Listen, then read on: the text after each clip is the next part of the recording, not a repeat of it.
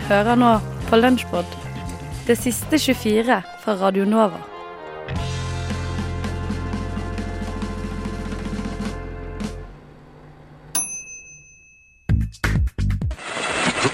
We interrupt this program for an important bulletin. February 13th is World Radio Day. We're joining with UNESCO to celebrate radio and how it shapes our lives, how it informs us, entertains us, and gives us a voice. For more information, visit worldradioday.org. World Radio Day 2017. Radio is you.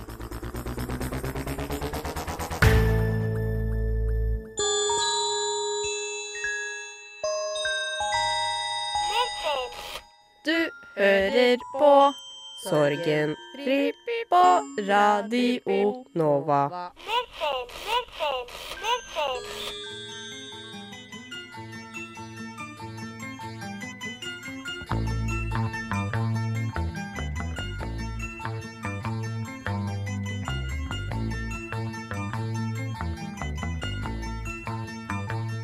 Med disse tonene åpner en av giallo-sjangerens mest kritikerroste filmer.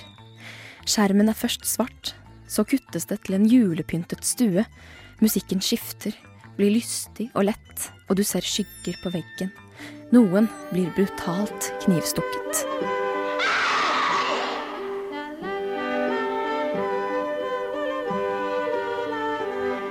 Profondo Rosso, eller Deep Red, kom ut i 1975 og er bare én av 70-tallets mange kultklassikere innenfor sjangeren skrekk.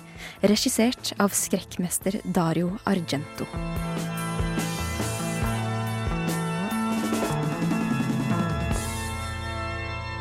Du lurer kanskje på hva som ligger i begrepet giallo. Giallo er en skrekkfilmsjanger som omfavner både mysteriefortellingen, tradisjonell krim og noen ganger det overnaturlige. I italiensk tradisjon er bare giallo brukt som en samlebetegnelse på skrekkfilm. Men i USA og i resten av Europa blir den forbundet med en veldig spesifikk del av spesielt den italienske skrekkfilmen. Kjennetegnet ved en mystisk, ofte skyggelagt drapsperson og grusomme, stiliserte dødsscener. Fordi mordene ofte finner sted mens offeret er mest mulig sårbart, innebærer giallo-sjangeren også en del nakenhet og fysisk intimitet, som til tider nesten kan invitere til en grotesk form for voyeurisme. Giallo-sjangeren har sitt opphav på 1900-tallet, men når man snakker om sjangerens storhetstid, tenker man gjerne spesifikt på 1970-tallet. Det var Dario Argentos regissørdebut 'The Bird with the Crystal Plumage' som gjorde sjangeren til et kulturelt fenomen.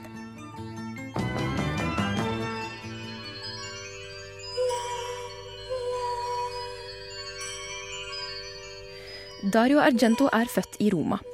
Han var tidlig interessert i film, og startet som filmkritiker allerede mens han gikk på videregående. Videre valgte han bort universitetet til fordel for en jobb som spaltist i avisen Paesi Sera. Og det var mens han jobbet i avisen at han også begynte å jobbe som manusforfatter. Mest nevneverdig i denne epoken er hans arbeid med Sergio Leone, da med filmen Once Upon a Time in the West. Det var rett etter dette at han begynte å arbeide med sin debutfilm, den ovennevnte The Bird with the Crystal Plumage. Denne ble svært godt mottatt i Italia, og han lagde to filmer til i det som nå kalles Argentos Animal Trilogy.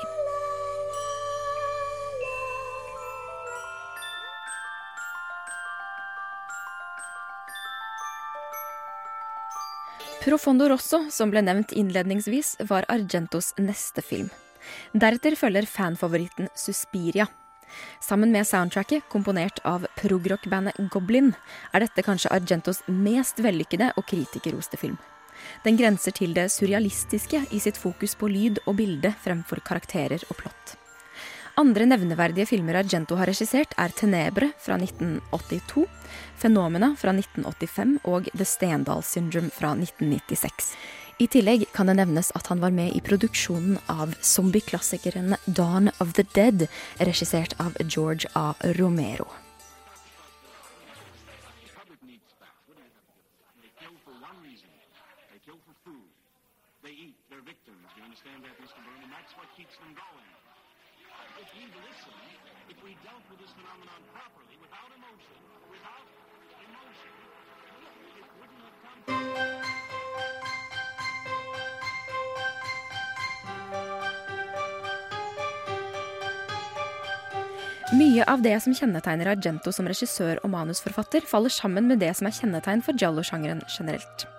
Det kan også nevnes at hans hovedperson gjerne er en ung, kunstnerisk kvinne, ofte en amerikaner eller brite som befinner seg et eller annet sted i Europa. Filmene starter som regel med et mord, gjerne groteskt fremstilt, og hovedpersonen er ofte vitne til mordet.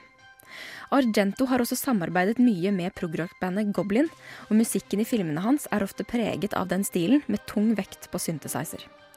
Han har sagt at han tenker på musikken som en av hovedrollene i filmene hans, og man kan oppleve at den ofte tar mer fokus enn man er vant til i skrekkfilmsjangeren generelt sett.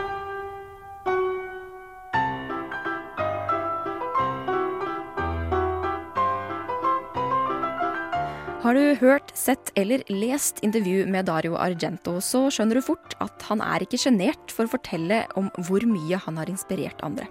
Og selv om han, som mange filmregissører før ham, kan virke en tanke høy på seg sjæl når han snakker om sine egne bragder, er det ikke til å legge skjul på at hans bidrag har hatt mye å si, og ikke bare for kultskrekkfilmen. For eksempel så trakk John Carpenter inspirasjon fra Argento da han laget sine Halloween-filmer. Og til og med i noe japansk manga kan man finne spor av Argentos såkalte spagetti-thriller.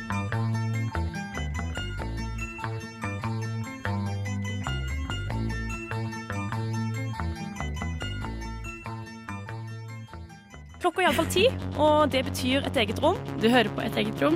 Ja, klokken er ett minutt over ti, og du hører på et eget rom her på Radio Nova. God mandagsmorgen. Du hører på Radio Novas feministiske radioprogram. Eh, du hører på Radio Nova. Eh, et eget rom. Vil dere være med og se på en film? spurte jeg i kollektivet litt utpå fredagskvelden. Paradise Love heter den. Det er den første filmen i paradistriologien til den østerrikske filmregissøren Ulrich Seidel. De ble med, men mot filmens avslutning så var det jeg som måtte trykke på pause og innrømme at jeg faktisk ikke orka mer. Uh, you coming from? Austria. Austria. Oh, welcome to Kenya. Filmens åpning så treffer vi en middelaldrende hvit kvinne fra Østerrike som sier ha det bra til tenåringsdattera si før hun reiser av gårde til Kenya. I følge med en hel rekke andre turister fra samme europeiske strøk så sjekker hun inn på et feriehotell der dagene består av sol, lett underholdning, bading og Beach Boys.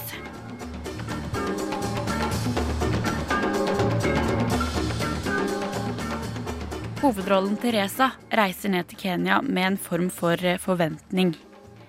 Hun har lav, lav selvtillit og vil mest av alt at noen skal se henne inn i øynene og se henne på ekte. Flere av de andre jevnaldrende damene på hotellet på sin side, de snakker om diverse spenstige opplevelser med unge afrikanske gutter. Og etter kort tid så treffer Teresa Munga. Etter dans, palmevin og weed så har de sex.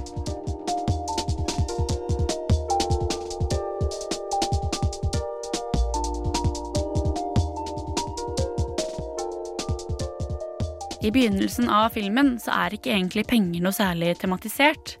Men etter hvert så går det gradvis over fra at Teresa kjøper smykker av beachguttene, til at den settes i en situasjon der hun forstår at hun definitivt bør gi en god mengde penger til Mungas venner og slektninger.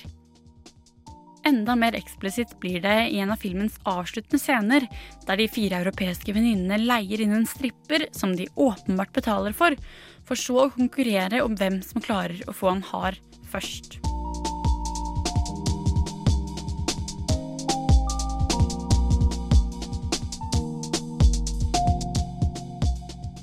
Det er også her, i den eh, sistnevnte scenen, at jeg må stoppe opp og si at jeg tror at jeg ikke orker mer. Objektiviseringa og det rasistiske ligger så åpenlyst for dagen i sexleken med den mannlige stripperen. Det kroppslige og vulgære ved damene som skeier ut på ferie og kan gjøre alt det de aldri ville gjort hjemme, vises i filmens eksplisitte stil. Det er det eksotiske, annerledes og fremmede ved Kenya som gjør det mulig for dem å skeie ut som de gjør, og de glemmer hvordan de egentlig hater kroppen sin hjemme i Østerrike. Det blir et eget frirom, som går så til de grader ut på å gjøre noen andre til det andre.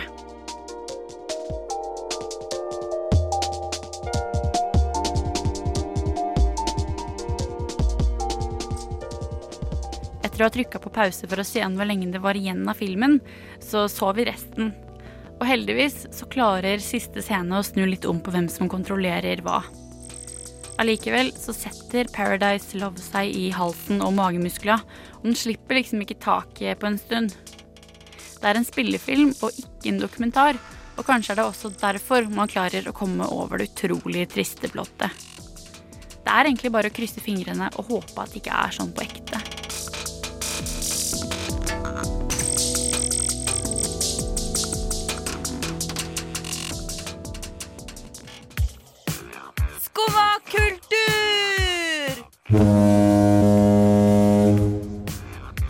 Kulturelle tåkelur.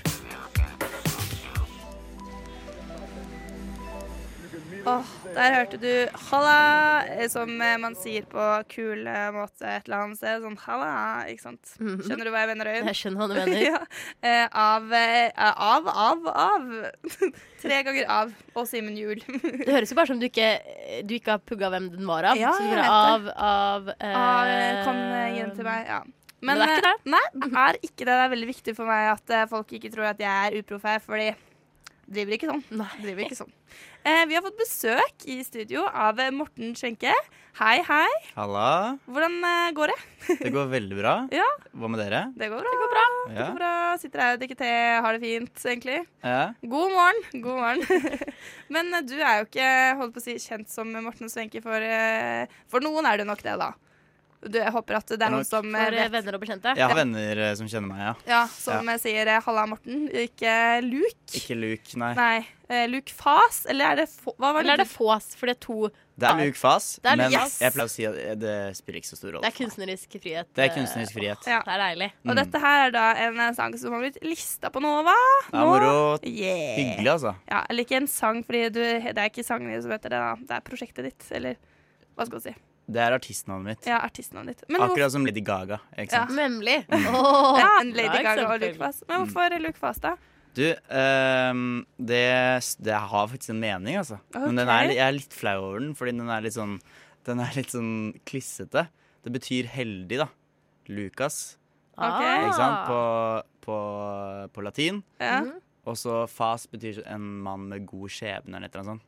Så det er egentlig en lucky charm for prosjektet. da. OK. Men, og det er liksom Blir du flau nå når du redd for det litt? Jeg er forteller? Men jeg syns jo egentlig det er veldig fint sånn inni Ja. meg. Jeg syns det er veldig fint. Ja, så hyggelig. Ja. Takk. Uh, men man vil jo alltid være kul og sånn. Ja, så- ikke sant.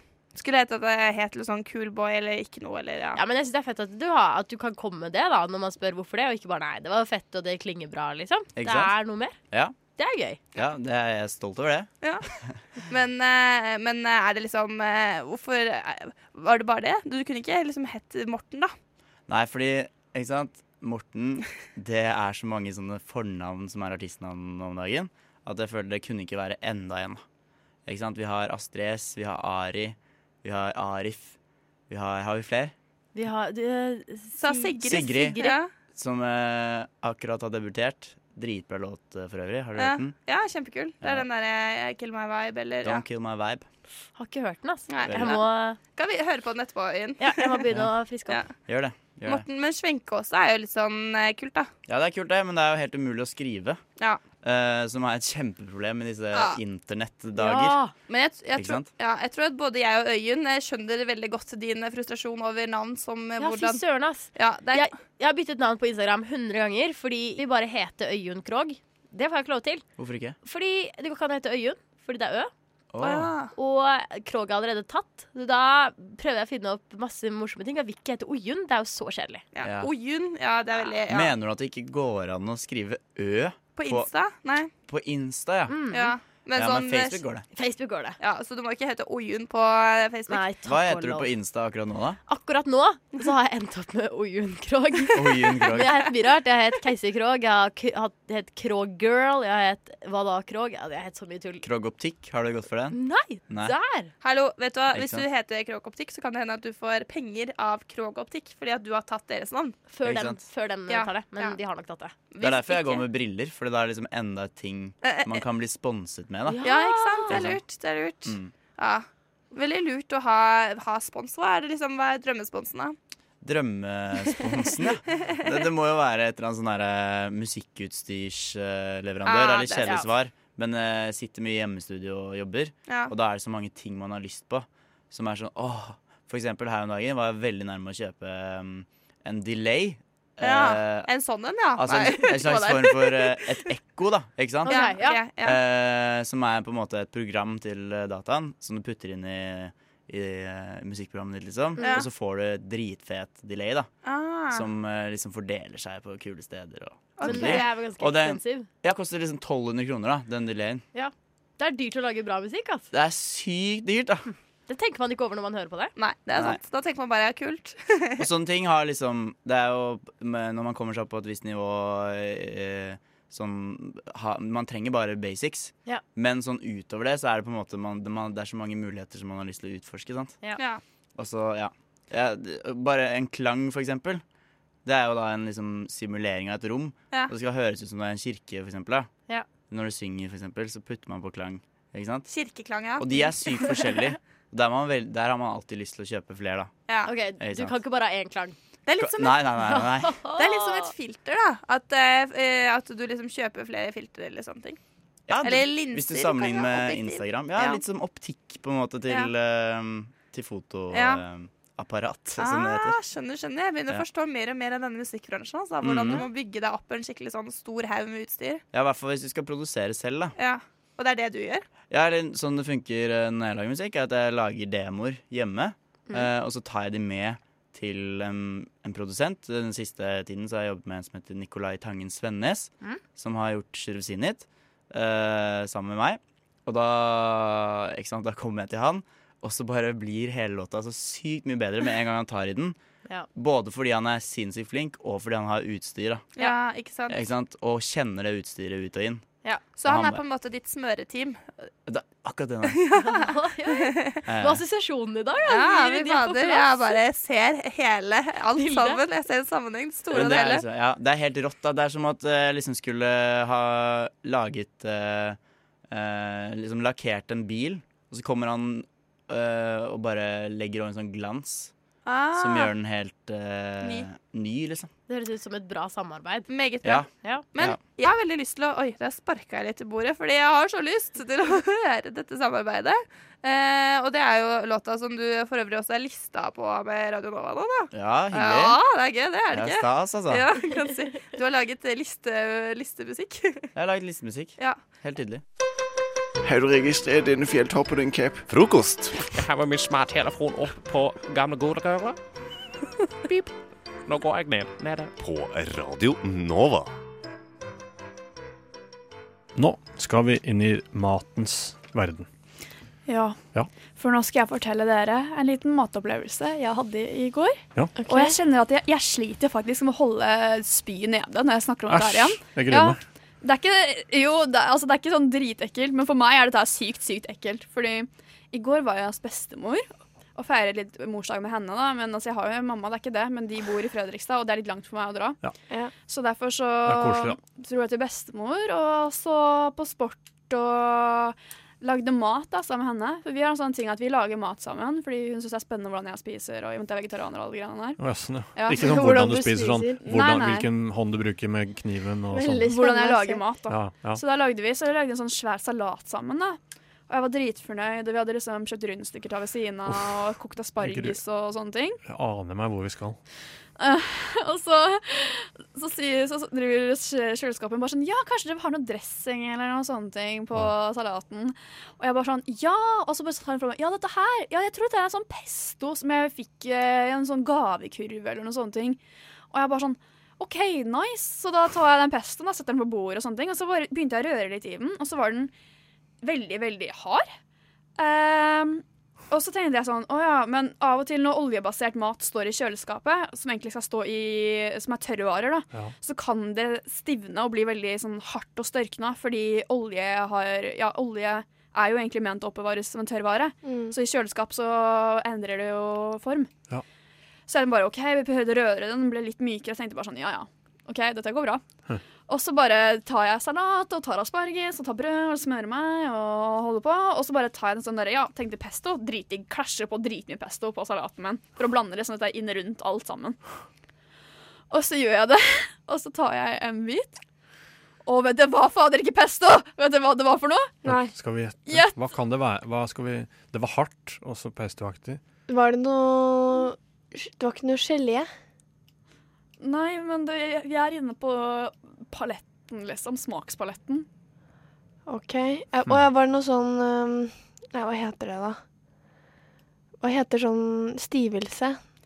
Eh, nei, altså det som det, Jeg kan fortelle hva det var. Ja, det. det. Det, var, det var dessertpålegg!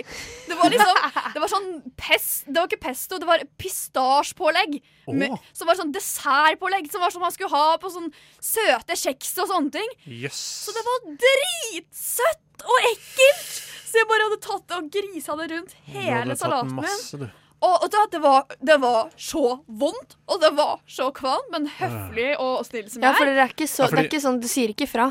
Jeg ville ikke, men det var jeg som hadde laget salaten. Stanset om du bestemor i å forsyne seg av dette? Hun tok ikke det på. Hun Nei. tok på balsamico, smart som hun var, liksom. Ja, Mens jeg tok jo på den der forbaska dessertpålegget. Så det er hvis bestemor plutselig skulle finne på å høre på nå, det er først nå hun oppdager at Nei, hun så jo at jeg ikke spiste det. Ja, hun jeg, men jeg måtte liksom. liksom begynne å rense vekk ved å skrape av salatbladene mine og sånne ting. Fordi Hæ. Altså, det var altså, Du kan jo tenke deg, da, hvis du hadde tatt sjokoladepålegg rundt salaten din. Ja. Det var på det nivået. Så søtt var det, liksom. Det var liksom. såpass, ja.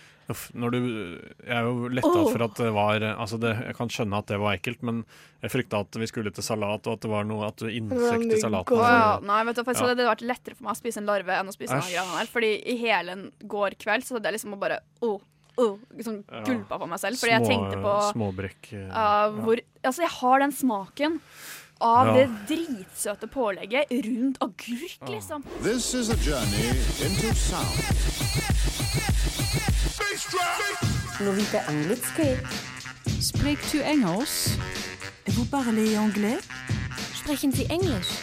Er du skal bare engelsk?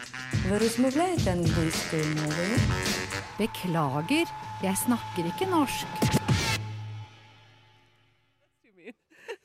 that was the preachers with "Who Do You Love," oh, and yeah. So first dates, of course. Um, I think one of the things I like about it is that it's each episode is basically self-contained. Yes. it's not like The Bachelor we have to watch every single week as people get No, no, no, eliminated. exactly, yeah. But that means that there's a lot of a lot of different characters on it. Oh. And so I was asking Nina in the break, what are what are your some of your favorite My characters? favorite, like I have several. Like uh, I really like the the good uh, good endings. There was this Yeah. one, one gay couple, and they really matched. They even looked uh, alike. They were like big bearded men with like passion for food, uh, and they just like met and they started to talk you know, about, about their common interest, and they're just like, "Really, you too?" And yes, I was like, "I can't believe it!" And and the end, like they ended up together, and even like came uh, for another date to the restaurants for like Oh, a comeback. So it was really nice. Yeah, you were telling me about the comebacks. I really need to watch that because that sounds great. I was also like one uh, marriage proposal in the comebacks. That was really sweet. It Oh. Was like with a Haribo gummy bears ring, like with the fake. Yeah, That's adorable. really- Because I've always wondered if people actually keep going after, like how how many of the couples actually keep dating. Because it does seem like they do well matching people up, but you know, When you they- never know if that's just when they- edited for TV. I, I don't think so. They really filter. They do Yeah, filter. So it you, seems like they must. you don't. You don't. I think I think my favorite. Well, I've just been watching First Dates Hotel, which is the new oh, version Oh, where they go to a version. The hotel in the south version. of France. Yeah. And for I, I really like it because I. I really like the sommelier who's not in the normal one. The like really goofy guy with the curly hair. He's very French. He's so French. He's adorable. And I think my favorite couple was either the really old, the couple that were like both like 85, who were like really. oh, they were so sweet. This is like, yeah, you. Oh, oh yes, they were really cute. and then the really posh couple that was probably about our age. It was like a skinny blonde girl that had like really With quirky hat. with a huge hat. Yeah, huge like- she had like really quirky fashion and sense, and the he- comedian. yeah, and they he were- told her, she's like, I, and she, she said like, I might, I might seem like a posh twat, and he's, He's like, oh, yes, oh, you are. yes, you- yes, you do. and then he told her she looked like an eel, and she was like, she was like, I don't think that's a compliment. Ah. It's like, no, eels are graceful. graceful and elegant. You know the movements. oh, I loved them. They were amazing. I want to be their friends. I know. Oh, I do too. They were really cute. she drew the naked portrait of him and showed it to the staff with the baguette. oh yes. So their second date after the dinner date, they went um, on. Uh, yeah, they had like a day out, and she she drew. She she's a life drawing artist, so so she drew a naked portrait of her day. of her day, like lounging on the ground with a baguette in front of his crotch. And then, yeah, she was showing the portrait to the staff, and Fred was like, "Is it a baguette?" oh, priceless, priceless. But anyway, we have a Ah. special segment for you now. Um, Yes. Nina is going to read out some quotes from this show over over some special music. So Hmm. enjoy. You just need to get out there and do what you need to do. That's for the young ones. Love is about numbers. One plus one. It's very easy math. Expectation is the root of all heartache. Just try it and give your best. No expectations. We are all waiting on a explosion. Explosion of love. There is only one happiness and this in this life. To love and to be loved. Every story has one end, but in love, every ending is a new beginning. A love that can last forever takes only a second to come about. Tis better to have loved and lost than never to have loved at all.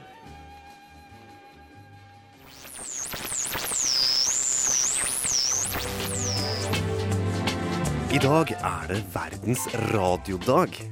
En FN-dag for markering av radiokringkastingens betydning. Denne markeres hvert år 13. februar. Verden over feires denne begivenheten i store og eh, små festiviteter. Og FN sin egen radiokanal, United Nations Radio, eh, lever fortsatt i beste velgående. Og i anledning eh, World Radio Day tok de en prat med initiativtakerne bak det relativt nye prosjektet Radio Garden. Gjennom denne nettportalen kan eh, lyttere verden over saumfare en digital globus og lytte til lokale radiostasjoner verden over. En hendig og veldig kul måte å kanskje oppdage nye radiokanaler. Men hvordan startet det hele, og hvordan har responsen vært nå i ettertid?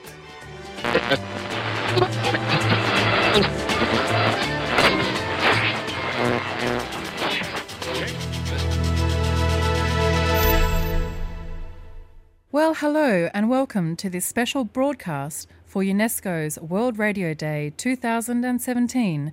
Radio is You. I am here with Baz Achterberg, a media histo- history specialist with the Netherlands Institute for Sound and Vision. Baz, welcome to our show. Thank you.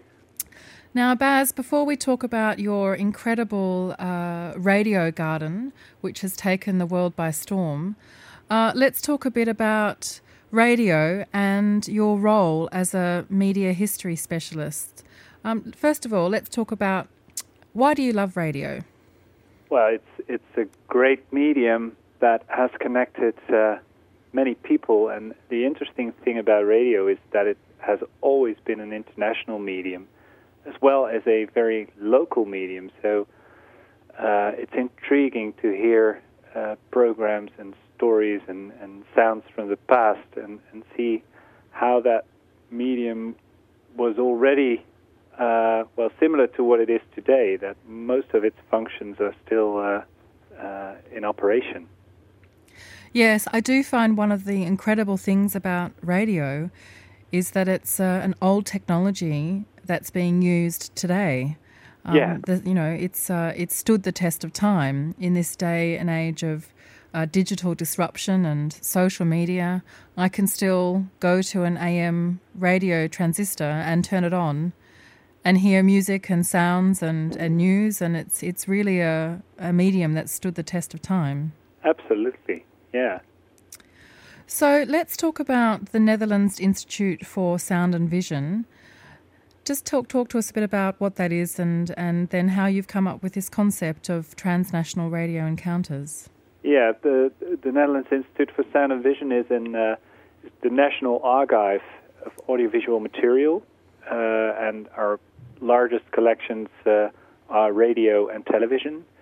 Um, we're used to be part of the public broadcasters in the Netherlands, uh, a, a very complicated system of public broadcasters, but since uh, the 1990s, uh, the institute has been independent, but still um, all radio programs from the public broadcasters come into the archive, and we collect also some some other uh, stations, uh, and of course every year two weeks of uh, all radio broadcasts in the in the Netherlands.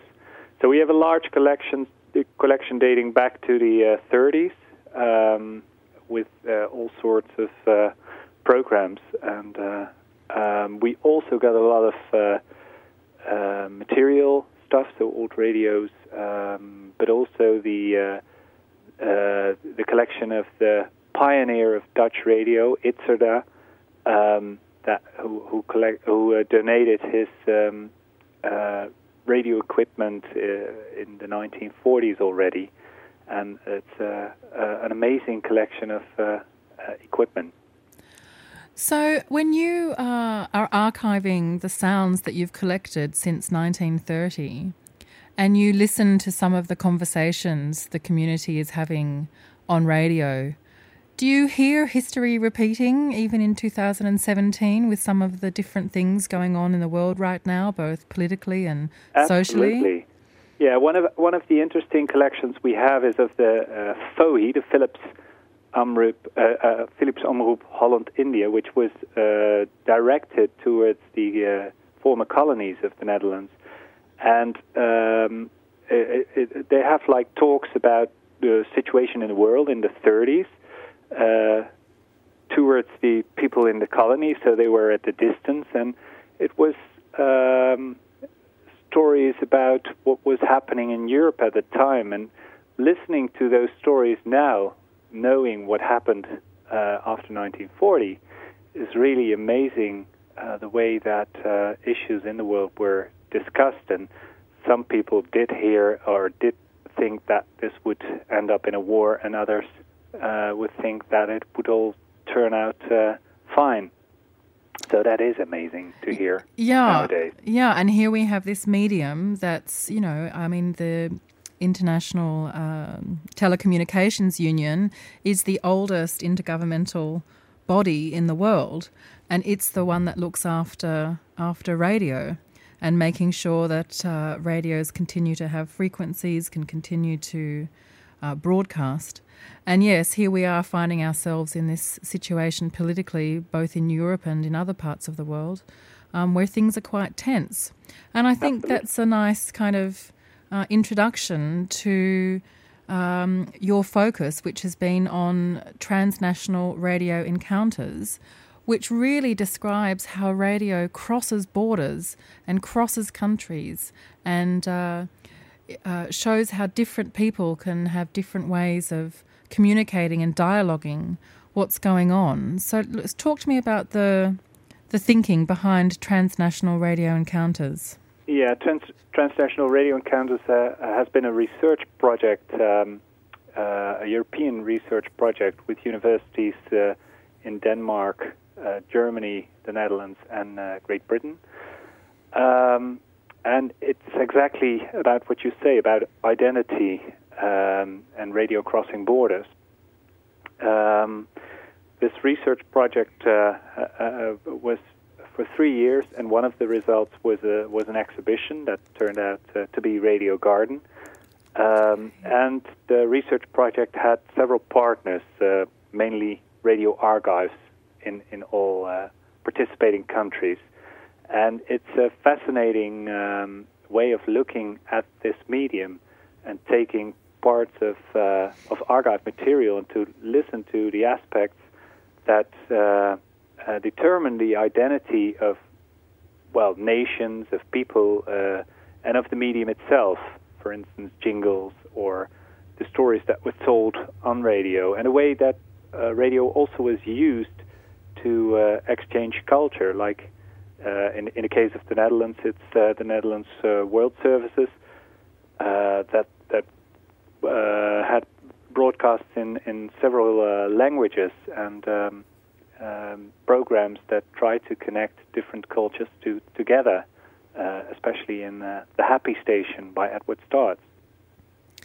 So, Baz, for people listening to our uh, discussion right now, um, how can they find uh, Radio Garden? Where do they need Well- to go? Just go online and radio.garden is the place to be uh, and play around, really. Um, so it's like a playground full of radio stations and stories about radio. Um, so we, we thought that it would be great if you could tune in on, on the world, literally take a globe and scroll around the globe to listen to uh, to stations and to find out uh, what it sounds like in Afghanistan or in Colombia or wherever you want to go. And uh, yeah, Yeah, and I think, you know, I have visited radio.garden and I was just uh, so surprised at how uh, technology of the internet and the way that you've developed um, this um, incredible uh, application. I can travel around the world, and what I was reminded of was when I listened to the radio as a as a young girl, and I'm tuning my dial and hearing the the clickety sounds, and then having it tune in and hearing the radio station. To have that again when you scroll around the globe, um, for me was just a fantastic reminder of how wonderful radio is, and then to come across a jingle or to find a, a radio station that was not in my language but was commenting on a sports game. You know, I knew immediately by the sounds that were coming from the presenters that I had stumbled across uh, a radio station that was broadcasting sport, and I couldn't tell you what it was. So I think, I, for me, it was a wonderful experience to to see and, and hear an old technology and a new technology together. yeah, it's it's, it's great. And what I what we discovered is that um, especially uh, uh, the countries that are using Radio Garden, a lot of visitors returning to listen again and again and again. Uh, and it's very often in countries where I think uh, it's difficult to get a different voice, exactly like you say, a different sound. So it's uh, appealing to uh, listeners in India or Brazil, but also Saudi Arabia and and Morocco, for instance. So that is very surprising to see how how this radio garden works. And you made the decision um, when you are looking at this globe, and again, I encourage people listening to this radio interview right now, if you are online and have the internet accessible, to visit uh, www.radio.garden to just uh, see for yourself this incredible technology. But Baz, you decided not to include borders. So I'm looking at the globe, but I can't tell which country ends and which country begins. Talk to me Yeah. about why the decision was to have the Earth just as the Earth as it is, rather than the the geopolitical borders that uh, that we've put there? Well, it's it's partly, I think, a practical choice uh, for the maps we use, but on the other hand, um, it's also the philosophy of this project that it's radio across borders, but it, these borders are, well, human-made and not uh, uh, naturally made. So um, you don't need the borders, and I think that's also a great thing you have to discover. Uh, we we planned to uh, create a game as well in which you have to guess where the sound comes from, and basically what you do when you browse the globe, it's also guessing where the sound comes from. And like in many African countries, you'll hear French, French, uh, and you uh, you wouldn't expect to be in France, perhaps, or perhaps you would if you hear the sound. And the same is for other languages. So it's it's also an exploration of what the world sounds sounds like. And what we want to do is take that exploration further of what the world sounds like, and together we want to encourage uh, listeners and people who are joining us on worldradioday.org for UNESCO's World Radio Day 2017, 13th of February, is we want to hear stories from listeners. So, Baz, you're keen to have listeners record their stories and send them in to you, is that right? Yeah, that would be great if people, uh, uh, especially their uh, experiences in, in listening to uh, radio and, and uh, radio across borders, like when you're in Africa listening to BBC World Services or whatever uh, it is. Um, for myself, for instance, when I visited Curacao, which is a part of the Netherlands but on the other side of the globe, was surprised to hear a voice that is also common on, on the Dutch radio. So it was a disorienting experience for me, and it's that kind of stories we're looking for. Uh, and please send them to us, and uh, uh, hopefully we can put them on Radio Garden. Yes, so not only can um, an ordinary listener um, tell their story about their experience with radio and send that to uh, radio.garden, but radio stations can also join Radio Garden and put their radio station and jingle online. And of course, we're encouraging people to put their World Radio Day events on the UNESCO webpage, worldradio.org. Baz, thank you for your time. You're welcome. And we are delighted to have Radio Garden on our uh, radar, so to speak. We think it's an incredible tool, and we love that it takes radio and dialogue across borders and shares all that wonderful uh, culture and news and stories between between people. Du har hørt en podkast fra Radio Nova. Likte du det du hørte? Du finner flere podkaster i iTunes og på våre hjemmesider radionova.no.